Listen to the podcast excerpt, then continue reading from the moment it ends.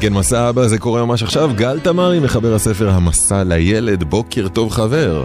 בוקר אור מוטי, מה שלומך? מעולה, ברוך השם, מה שלומך אתה? אני מצוין. יופי, מתקרבים לסוף החופש הגדול, ממש עוד אה, ארבעה ימים. אני כבר לא סופר, אמרת לי לא לספור. אה. נכון, אז הנה, אני היום עשיתי את זה בשבילך. אה, והיום אנחנו מדברים קצת על אה, פחדים של ילדים, נכון? נכון, נכון. אה, ארי כבר אה, בן שנתיים ושלושה חודשים, הוא כן. ממש התחיל להשתמש במילים שמבטאות את הרגשות שלו. הוא מדי פעם זורק לנו, אני נבהל, אני אוהב, אני מפחד, אני כועס. כן. אה, שזה יפה שהוא יודע ככה להביע את הרגשות שלו. אז אנחנו לומדים ואנחנו קוראים איתו ואנחנו מנסים להבין את הסיטואציה יותר טוב ולהסביר לו את מה שהוא מרגיש בעצם. אה, לאחרונה הוא אומר הרבה אני מפחד.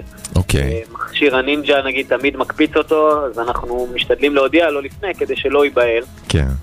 אה, והקטע הכי משמעותי שהתמודדנו איתו, בקטע של הפחד, מהמם. שיש את זה להרבה ילדים בגילאים האלה, זה מאוד מאוד אה, מוכר וידוע.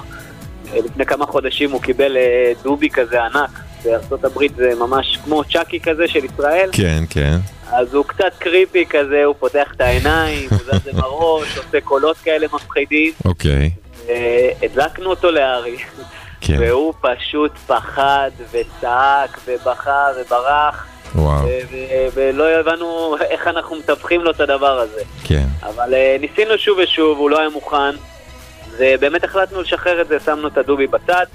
הוא כמה ימים לקח לו ככה להבין שהוא נמצא שם והוא לא עושה כלום, ולאט לאט הוא ניגש אליו לבד.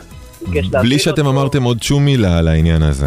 הוא התרגל אליו, הוא הבין שהוא לא עושה כלום, הסברנו לו שאנחנו מחליטים אם הוא יעבוד, אם הוא לא יעבוד, ואם הוא מוצא בעיות אפשר פשוט לשים אותו בצד.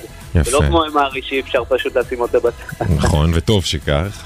אז אה, באמת אה, לקח לו קצת זמן, ודיברנו על הרגשות, במיוחד להבין מה מפחיד אותו.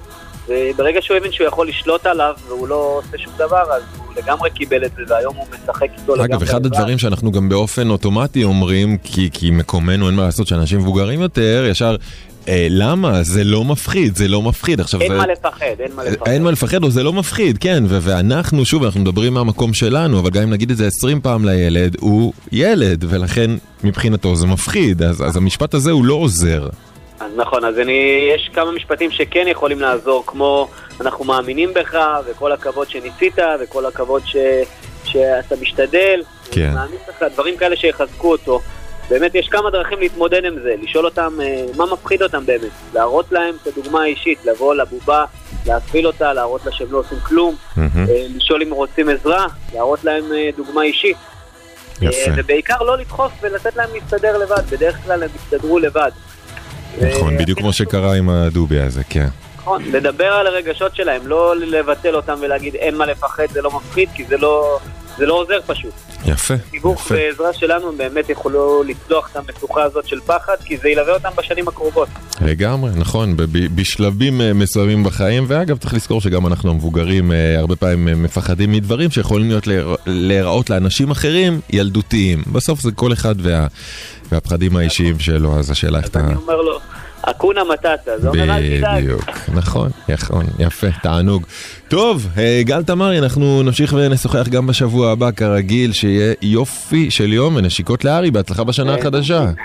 תודה, תודה רבה. יאללה, ביי ביי להתראות.